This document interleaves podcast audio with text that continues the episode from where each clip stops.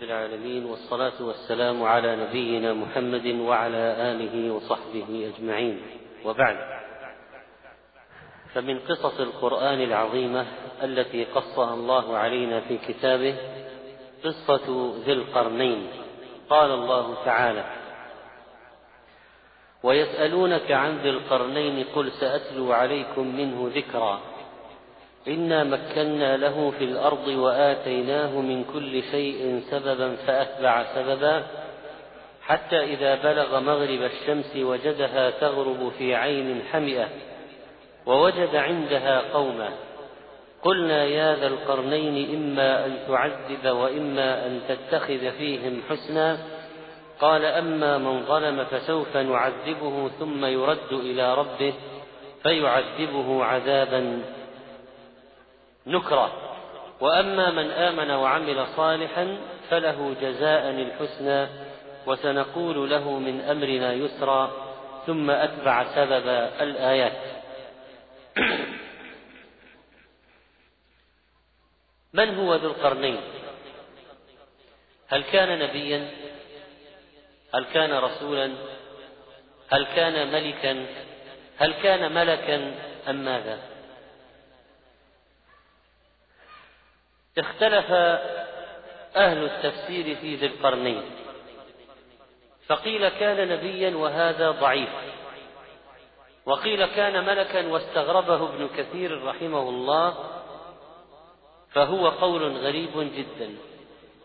قال ابن كثير والصحيح أنه كان ملكا من الملوك العادلين.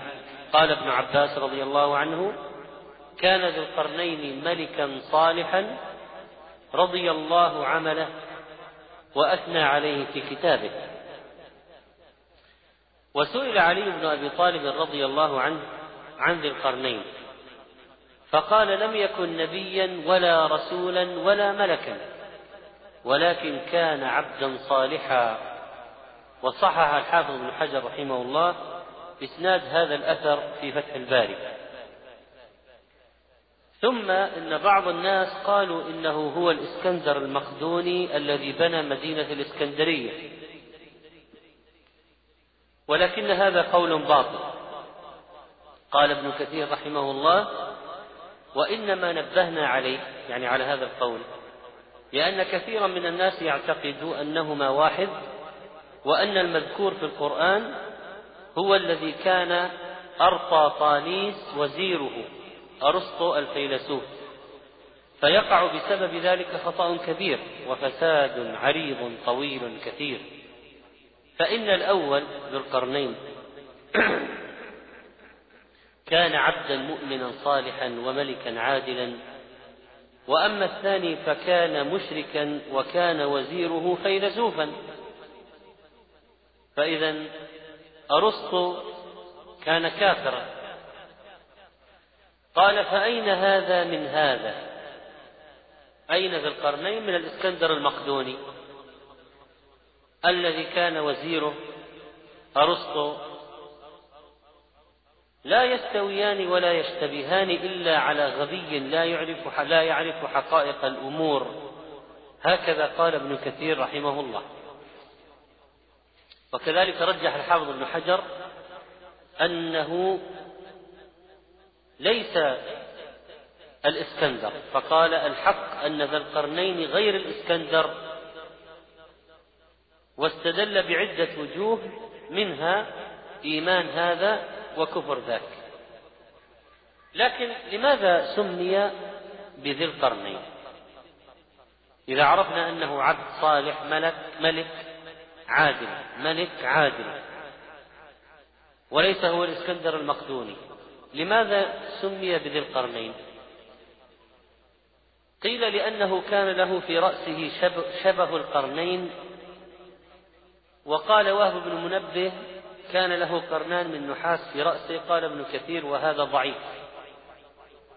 وقال بعض أهل الكتاب سمي بذي القرنين لأنه ملك فارس والروم فلقب بهذا.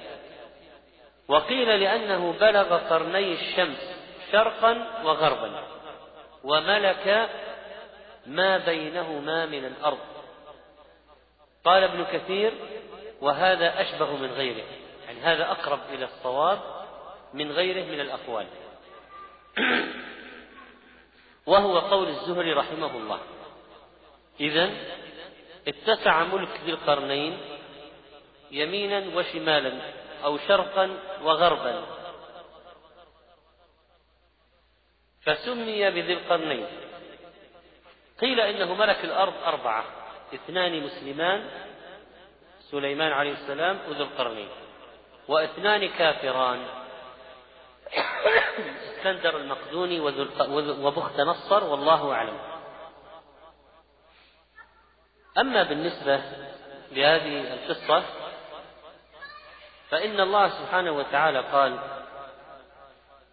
ويسألونك عن ذي القرنين. إذا حصل سؤال من أهل الكتاب للنبي عليه الصلاة والسلام يسألونك عن ذي القرنين. قل سأتلو عليكم منه ذكرى من للتبعيض. إذا لن يقدم لهم كل التفاصيل وكل الأحداث وإنما سيقدم لهم أهم الأشياء التي فيها عبرة وعظة منهما. وكلمة منه تدل على ذلك.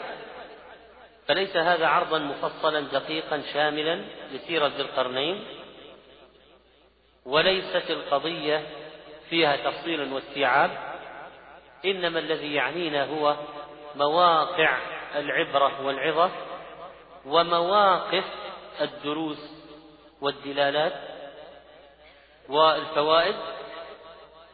ولهذا فإن المسلم لا يبحث عن تفاصيل لا مستند صحيح لها وإنما يكتفي بما عرضه القرآن الكريم والسنة النبوية.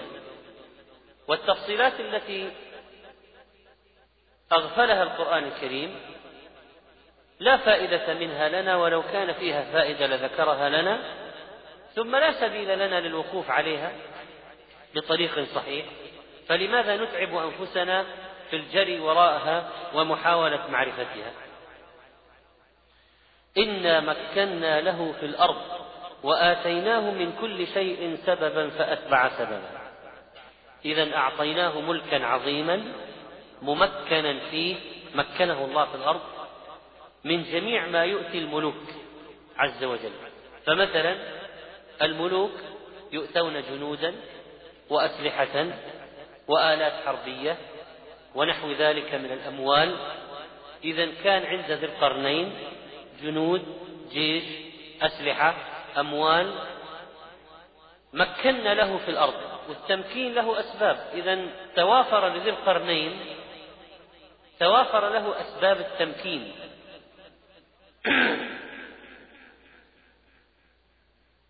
ولذلك ملك مشارق الأرض ومغاربها. ودانت له البلاد وخضعت له العباد وخدمته الأمم من العرب والعجم. وآتيناه من كل شيء من أسباب الملك والقوة. آتيناه من كل شيء سببا وطريقا موصلا إليه. فأتبع سببا وهذه في الحقيقة فائدة عظيمة جدا. وأتيناه من كل شيء سببا يعني فتحنا له الطرق للحصول على أسباب القوة. يسرناها له من علم وقدرة وآلة وعقل. فأتبع سببا أي سلك السبل الموصلة إلى تحقيق أسباب القوة والحصول عليها. إذا الله فتح له الطرق وهو سلكها. الله يسر له الأمور لتحصيل أسباب القوة وهو استثمرها. الله عز وجل أعطاه إمكانات واستعملها فأتبع سببا آتيناه من كل شيء سببا فأتبع سببا وهذه هي الحكمة أن الإنسان عليه أن يستثمر ما أتاه الله من أمور ليحصل على أسباب القوة. أعطاه الله أسبابا موصلة واستعان بذلك على قهر البلدان لتخضع لحكم الإسلام والتوحيد. وسهل الله له الوصول إلى أقاصي العمران ففعلا وصل إلى أقاصي العمران. وعمل بتلك الأسباب. هذه الأسباب التي ينبغي على من صارت بيده أن يستعملها لمرضاة الله ونشر دينه. لقد أخذ ذو القرنين بالأسباب. واستفاد مما منحه الله إياه منحه الله إياه من مظاهر ووسائل وطرق أحسن استغلالها وتوظيفها. فأتبع سببا كثيرون الذين يمنحهم الله أسباب القوة لكن لا يستعملونها في طاعة الله إذا استثمروها وكثير منهم لا يستثمرها أصلا. فعنده عقل لا يستعمله وعنده مال لا يستثمره وعنده طاقة بشرية تحته من أولاد وغيرهم أيضا معطلة. لكسله وتواكله وتوانيه لا يستعمل هذه الأسباب فلا يؤدي به ذلك إلى النجاح.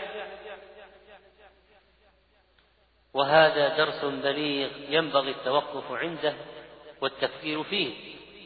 آتيناه من كل شيء سببا فأتبع سببا حتى إذا بلغ مغرب الشمس نهاية الأرض من جهة الغرب المغرب.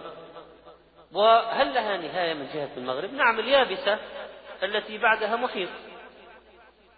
نهاية اليابسة التي بعدها المحيط من جهة الغرب. هذه النهاية هنا في هذا المكان. لما نظر في تلك الجهة وصل إلى أقصى اليابسة. من الجهة التي ما وراءها إلا الماء. ونظر في البحر وجد الشمس تغرب في عين حامية. وجدها تغرب في عين حمئة قراءتان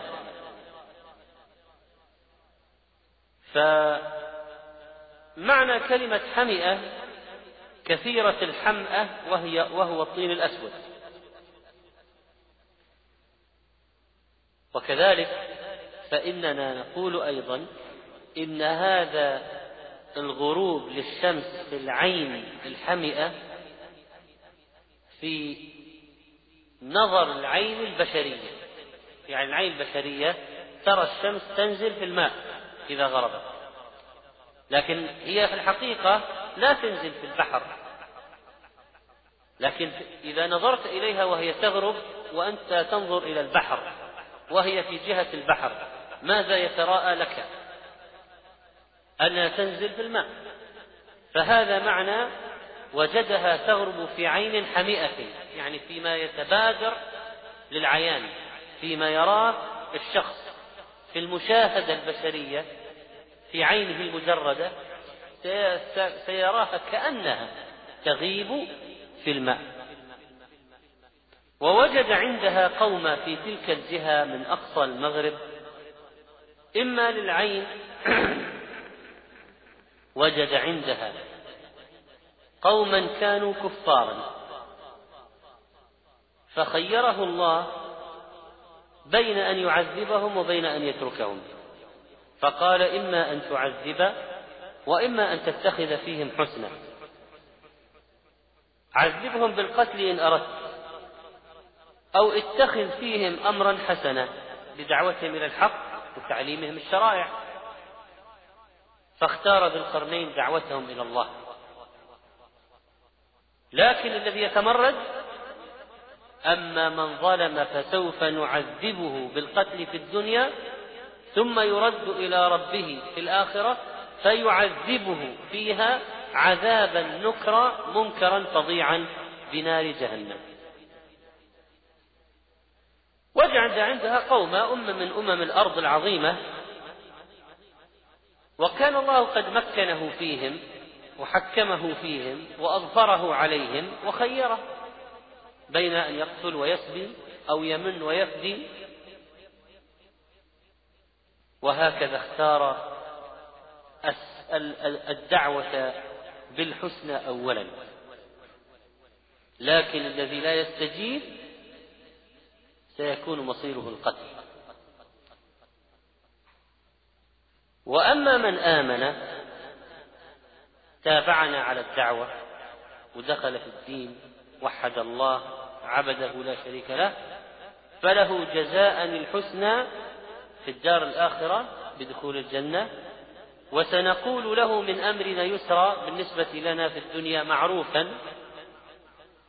وهذا يدل على أن ذي القرنين كان ملكا عادلا صالحا مؤمنا بالبعث والحساب والجزاء وأنه يعرف بأن القضية عند الله في النهاية عذاب أو نعيم وهذا معناه أنه يسعى في مرضاة ربه. ثم أتبع سببا حتى إذا بلغ مطلع الشمس وجدها تطلع على قوم لم نجعل لهم من دونها سترا.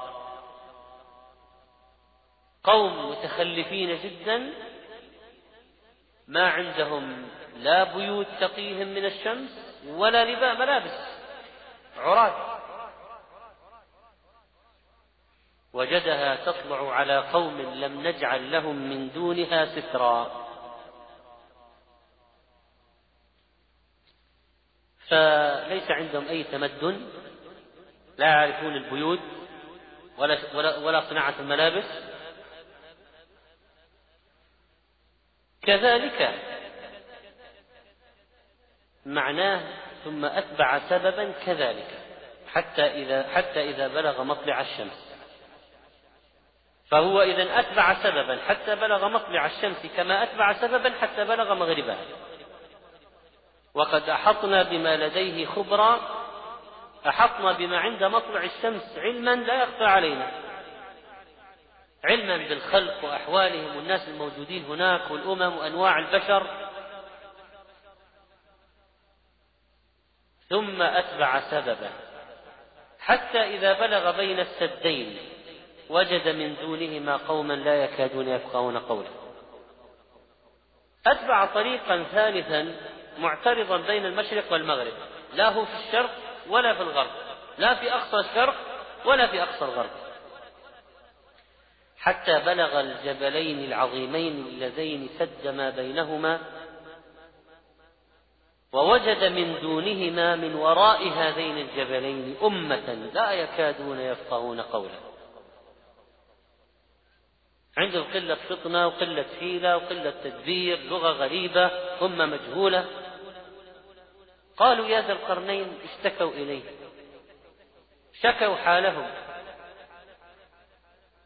إن يأجوج ومأجوج مفسدون في الأرض فهل نجعل لك خرجا على أن تجعل بيننا وبينهم سدا؟ قال ما مكني فيه ربي خير فأعينوني بقوة أجعل بينكم وبينهم ردما فلما بلغ هذان فلما بلغ هذين الجبلين المتناوحين بينهما ثغرة بين الجبلين يخرج منهما منها يأجوج ومأجوج على هذه البلاد فيعيثون فيها فسادا ويهلكون حرثهم ونسلهم. رحمك الله. كما ثبت في الصحيح ثبت في الصحيحين عن الأعداد الهائلة ليأجوج ومأجوج أن النبي عليه الصلاة والسلام قال إن الله تعالى يقول يا آدم فيقول لبيك وسعديك فيقول ابعث بعث النار. من ذريتك يا آدم أخرج بعث النار. فيقول وما بعث النار؟ فيقول الله عز وجل من كل ألف تسعمائة وتسعة وتسعون إلى النار وواحد إلى الجنة. فحينئذ يشيب الصغير وتضع كل ذات حمل حملها. طبعا هنا الصحابة أشفقوا. وصعب عليهم جدا إذا كان البشر تسعمائة وتسعة وتسعين واحد للنار وواحد للجنة يعني هذه النسبة إذا ما ما هو المصير؟ فلما رأى النبي عليه الصلاة والسلام المشقة التي حصلت في وجوه أصحابه وهذا الحزن لهذه المعلومة الخطيرة جدا في نسبة أهل الجنة من أهل النار خفف ذلك عليهم صلى الله عليه وسلم وقال إن فيكم أمتين ما كانتا في شيء إلا كثرتا يأجوج ومأجوج. فإذا أردت أن تتصور هذه النسبة تصورا صحيحا فلا بد تدخل في الحسبة يأجوج ومأجوج. طبعا يأجوج ومأجوج هؤلاء أعداد رهيبة جدا جدا. هؤلاء أعداد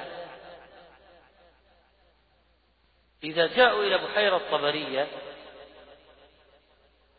يشربها أولهم فيقول آخرهم لقد كان هنا مرة ما. يعني أول القوم يشربون البحيرة كلها بحيرة طبرية كلها يشربونها ولا تكفيهم ما تكفيهم. بحيرة طبرية تكفي فقط أولهم أما آخرهم فلا يجدون ماء يشربونه من هذه البحيرة.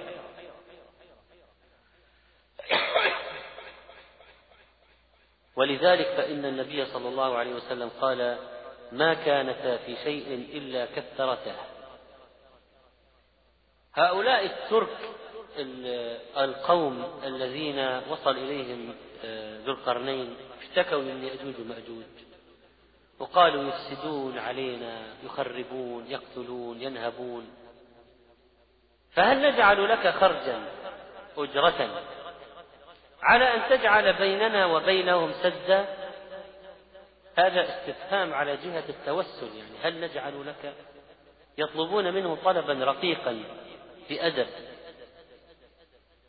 على أن تجعل بيننا وبينهم سدا يعني ردما. والردم يجعل بعضه على بعض حتى يتصل. بحيث لا يستطيع هؤلاء أن يدخلوا من الثغرة التي بين الجبلين. فأنت تردمها وتسدها لنا بحيث أنهم لا يستطيعون العبور إلينا.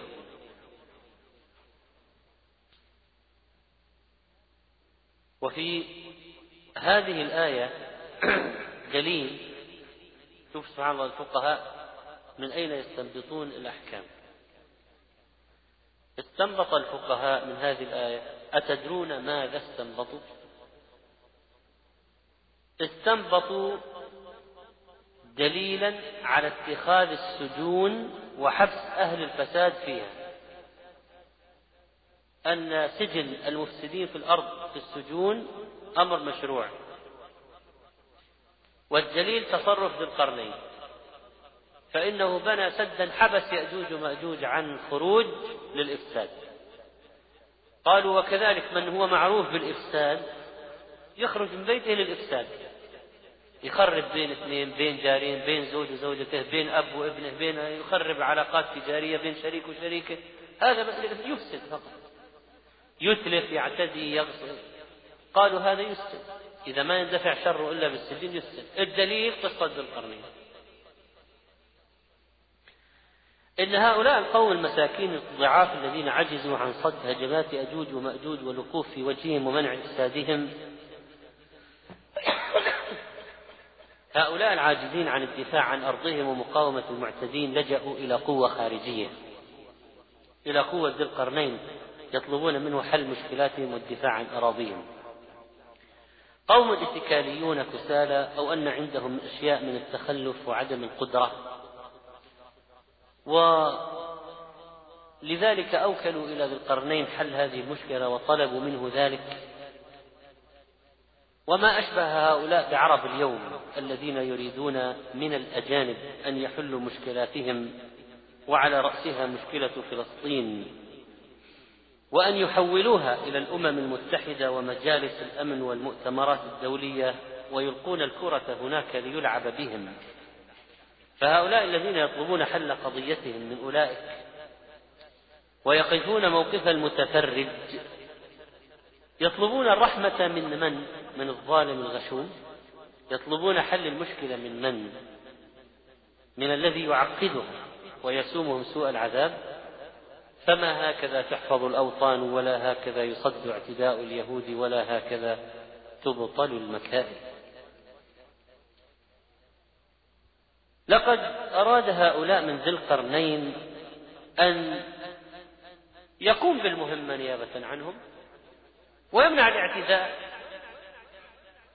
وقالوا نعطيك فلوس أجرة. تعال دافع عنا فهل قبل ذو القرنين هذه الأموال؟ كلا. وإنما قال ما مكني فيه ربي خير. الذي مكنني فيه من أسباب القوة وجعلني فيه قادرا على المال والملك والجند والقوة وسائر الأسباب خير مما تريدون أن تبذلوه لي من الخرج. فلا حاجة لي به. لكن هنا تبرز الموهبة العظيمة لذي القرنين في استثمار الطاقات البشرية. وفي نقل الناس المتخلفين إلى ناس منتجين وتحويل الناس الكسالى إلى ناس إلى قوم عاملين. قال فأعينوني بقوة قوموا اشتغلوا معي هيا أنفضوا غبار الكسل والنوم. أعينوني بقوة. ثم وضع لهم مخطط العمل. وطلب منهم طلبات محددة. وأنت إذا أردت أن تنقل ناس كسالى من عالم الخمول إلى عالم العمل ليس فقط أن تخطب فيهم خطبة عصماء وتقول ألا تريدون العمل ألا تقومون يجب عليكم القيام النشاط وإنما تضع خطة وتطالبهم بالعمل بناء على هذه الخطة. وهناك أهداف محددة. آتوني زبر الحديد. آتوا القطع. اجمعوا لي قطع الحديد. وذو القرنين عنده قوة وممكن يجمع. بالاستغناء عنهم. لكن هو يريد أن يحول هذه الأمة الفاشلة هذه الأمة المتخلفة الكسولة أن يحولها إلى أمة منتجة. تساعد وتعمل وتشتغل وتنتج. ولذلك قال فأعينوني بقوة أجعل بينكم وبينهم ردما آتوني زبر الحديد. هاتوا قطع الحديد. راكموا بعضه فوق بعض. حتى إذا ساوى بين الصدفين. فإذا جمعوا قطع الحديد وارتفعت القطع بعضها فوق بعض وصارت كوما كبيرا حتى ساوى بين الصدفين بين الجبلين. إذا الثغرة هذه سدت صار بين الجبلين كله قطع حديد.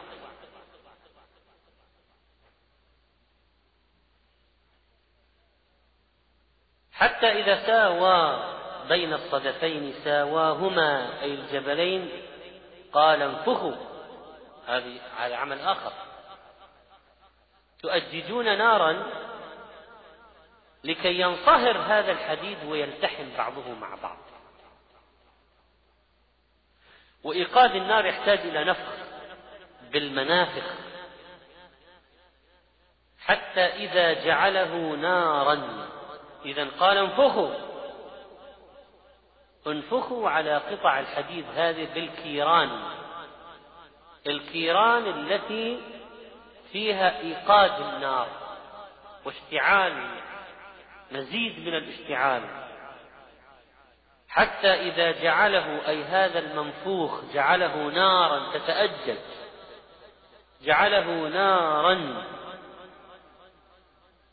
لقد وضعت قطع الحديد ثم أوقد عليها الحطب والفحم بالمنافخ حتى حميت والحديد إذا أوقد عليه ماذا يصبح؟ كالنار. حتى إذا جعله نارا قال آتوني أفرغ عليه قطرا. ما هو القطر؟ النحاس المذاب. وهذا النحاس المذاب سيغلف هذا السد الحديدي الذي انصهر فكان قطعة واحدة. التحم بعضه ببعض من الحرارة ثم أفرغ عليه النحاس المذاب. قال علماء المعادن إن الحديد المغلف بالنحاس المذاب سبيكة قوية جدا من أقوى السبائك التي يعرفها البشر إن اقتحام إن اقتحام جدار من حديد ملبس بالنحاس من أصعب الأشياء. فإذا أردت سبيكة قوية جدا فإن هذا الذي علمه ذو القرنين لأولئك القوم المتخلفين هذا النحاس المذاب المصبوب على الحديد آتوني أفرغ عليه قطرا. ما هي النتيجة؟ النتيجة الوصول إلى سد عظيم غير قابل للاختراق فما استطاعوا أن يظهروه لم يستطيعوا أن يتسلقوه وينزلوا من فوق. وما استطاعوا له نقبا. لا استطاعوا أن يتجاوزوه أن يظهروه.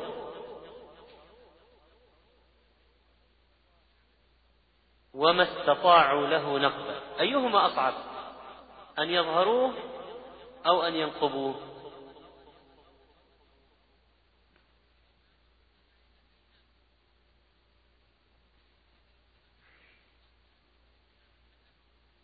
أيهما أسهل؟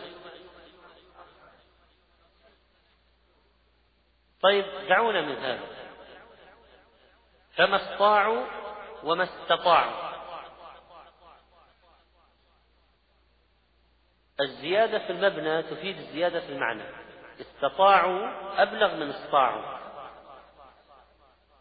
قال فما استطاعوا أن يظهروه وما استطاعوا له نقبا فإذا عرفت أن استطاع فيها مزيد قدرة على الطاعة فمعنى ذلك أن النقد أسهل ولا أصعب؟ أصعب. فما استطاعوا أن يظهروه وما استطاعوا له نقبا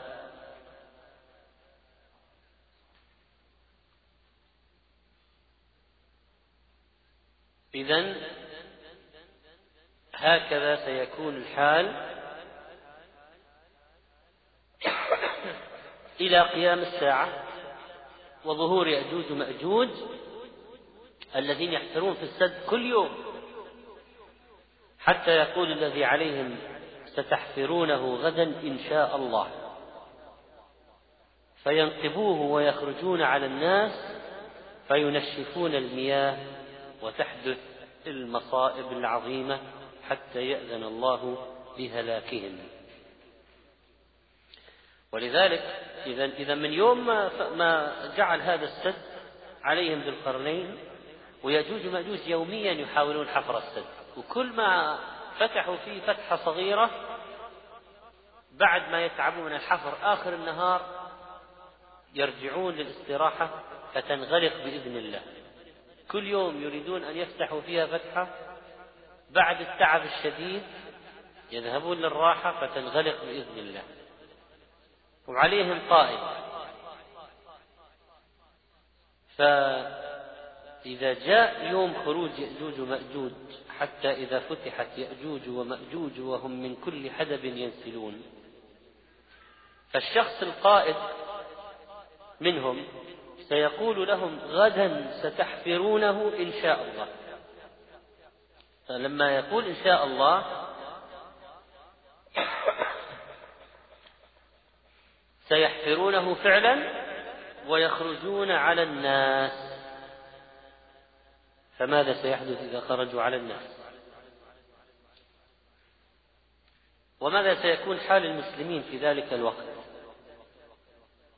الجواب يكون المسلمون قد انتهوا لتوهم من الدجال والملاحم العظيمة. وقال النبي صلى الله عليه وسلم ثم يأتي عيسى بن مريم ثم يأتي عيسى بن مريم قوم قد عصمهم الله منه أي من الدجال. فيمسح عن وجوههم ويحدثهم بدرجاتهم في الجنة. إذا هؤلاء قوم من الصامدين المسلمين المحسنين أبلوا بلاء حسنا عيسى مكافأة لهم على ثباتهم سيمسح عن وجوههم ويحدثهم بدرجاتهم في الجنة. فبينما هو كذلك بعد الانتهاء من من الفتنة العظيمة جدا بعد الانتهاء من قتال الدجال مع اليهود بعد الانتهاء من الملحمة الكبيرة والفتنة التي عمت الأرض الدجال والقضاء على الدجال بينما عيسى مع أصحابه المسلمين إذ أوحى الله إلى عيسى إني قد أخرجت عبادا لي لا يدان لأحد بقتالهم لا يدان يعني لا استطاعة. فإذا متى يعرف كيف يعرف عيسى أن يجوج وماجوج خرجوا نقبوا السد وخرجوا على العالم بوحي من الله. بوحي من الله.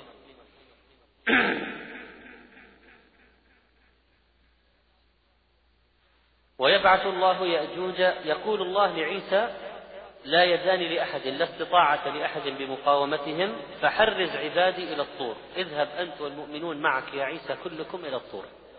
جبل الطور. وتحصن هناك. ويبعث الله يأجوج ومأجوج وهم من كل حدب ينسلون. كل طريق وكل ممر في الأرض من يأجوج ومأجوج. يخترقونه ويمرون عبره. من كل حدب ينسلون. فيمر أوائلهم على بحيرة طبرية فيشربون ما فيها ويمر آخرهم فيقولون لقد كان بهذه مرة ما. ويحصر نبي الله عيسى وأصحابه حتى يكون رأس الثور لأحدهم خيرا من مئة دينار لأحدكم اليوم. يعني في شدة وقلة في الطعام. حتى يكون رأس الثور الرأس ما هو الفخذ الرأس خير من مئة دينار. الدينار أربع غرامات وربع من الذهب. مئة دينار.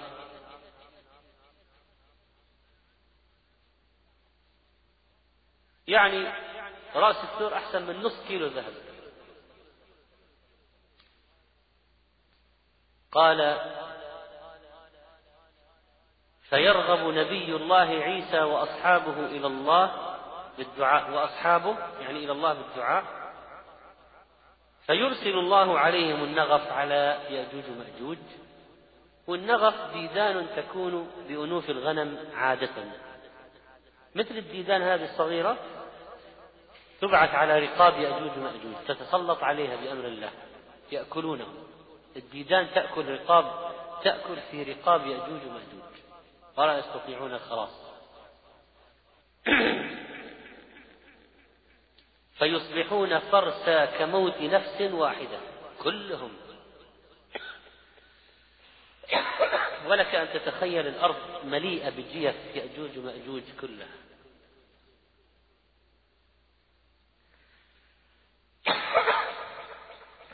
من فتنة يأجوج ومأجوج أنهم يرسلون بسهم إلى السماء بسهام فترجع إليهم مخضبة بالدم بإذن الله.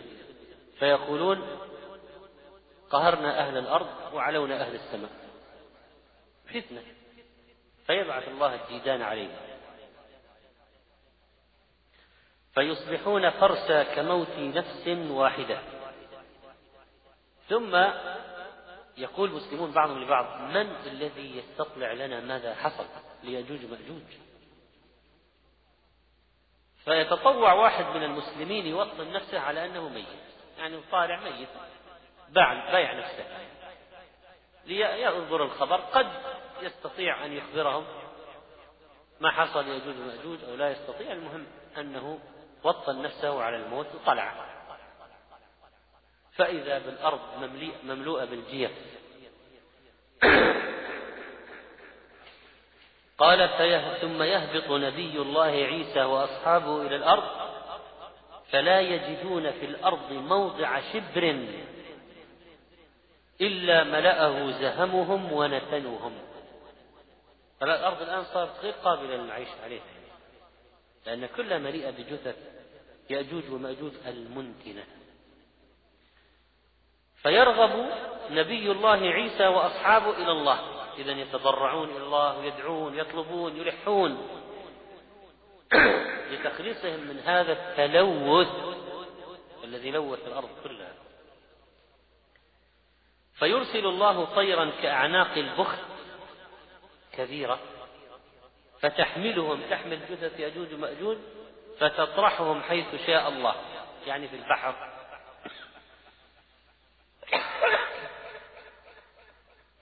ثم يرسل الله مطرا لأن الآن لابد من غسل الأرض بعد إزالة الجثث والجيف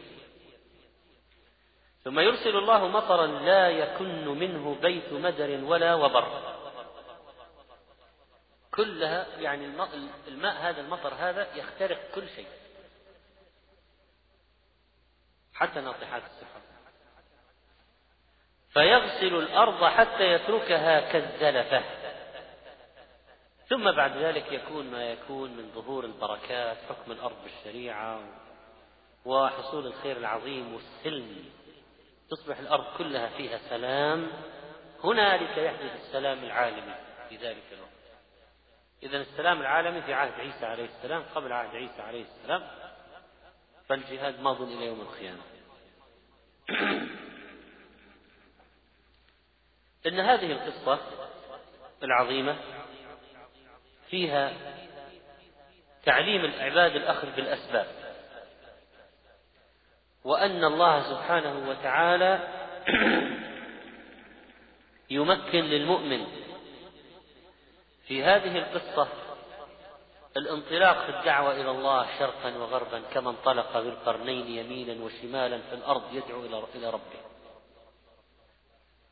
يركب البحر يجتاز القفار هكذا ينبغي على الداعية لينشر دين الله. ذو القرنين أراد أن يخضع العالم للشريعة للإسلام للتوحيد.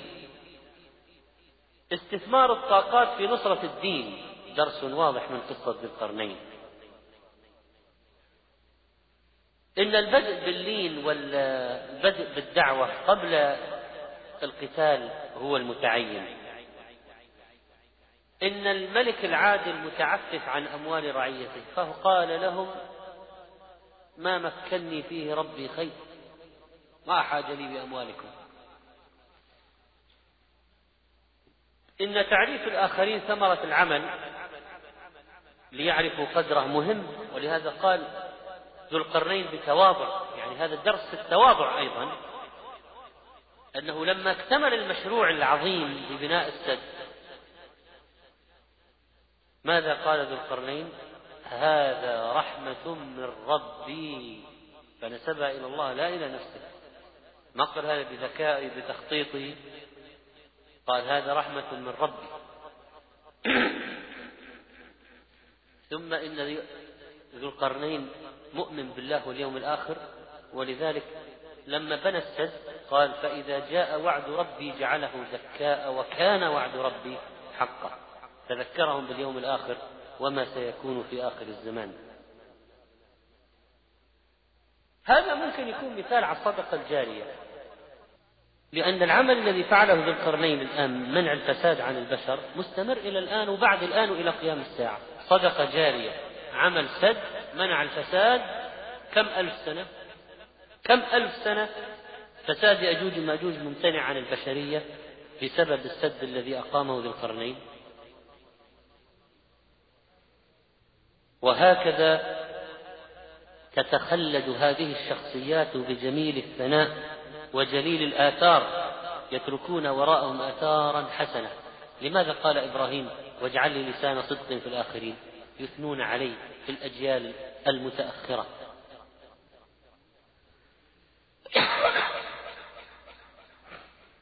وهذا الحديث فيه دليل على أن السلطان يجب عليه أن يحمي الرعية.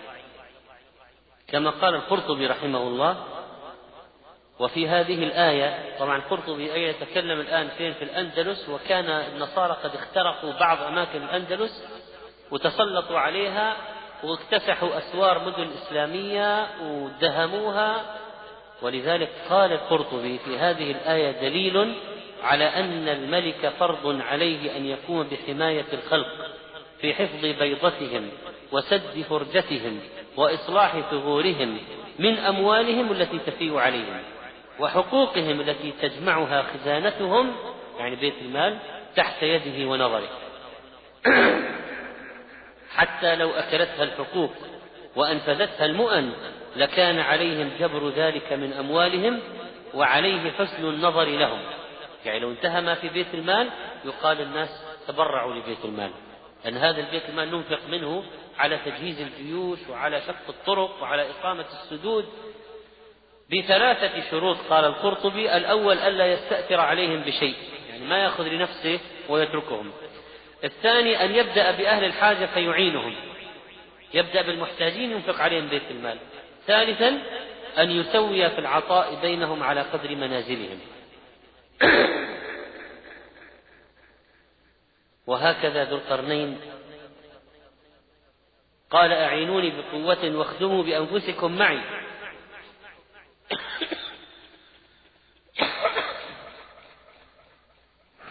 وكذلك فإننا رأينا في هذه القصة العفاف الذي تمتع به. وكيف وضع الخطة لهؤلاء لتعليمهم واستثمر الطاقات البشرية وعلم الصنعة لأناس لا يحسنون الصنعة. علمهم صنعة كاملة. هذا هذه القصة فيها درس للمسلمين كيف يأخذوا بأسباب القوة. فيها درس كيف يتغلبون على الغول اليهودي. كيف أنه لا يجوز للأمة المسلمة بحال أن تقف عاجزة مكتوفة اليدين أمام الخطر الذي يتهددها. إن إن اليهود مفسدون في الأرض. نقول كما قال القوم إن يأجوج ومأجوج مفسدون في الأرض فنقول إن اليهود مفسدون في الأرض فيجب الوقوف أمامهم. فإن أسلحة الشد والاستنكار والشكوى ومناشدة محبي الخير في العالم والشرفاء في العالم والطلب من الأجانب للتدخل لا يمكن أن يحل القضية.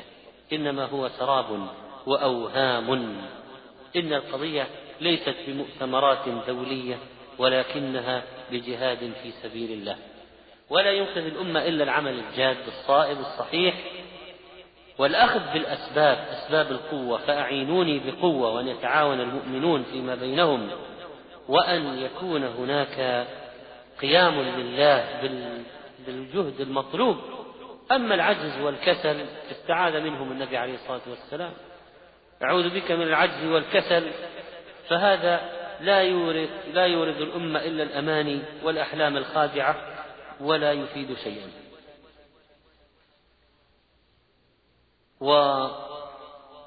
وبهذا عرفنا سيرة هذا الإمام العادل والملك العظيم ذو القرنين رحمه الله رحمة واسعة وجزاه خير الجزاء وصلى الله على نبينا محمد.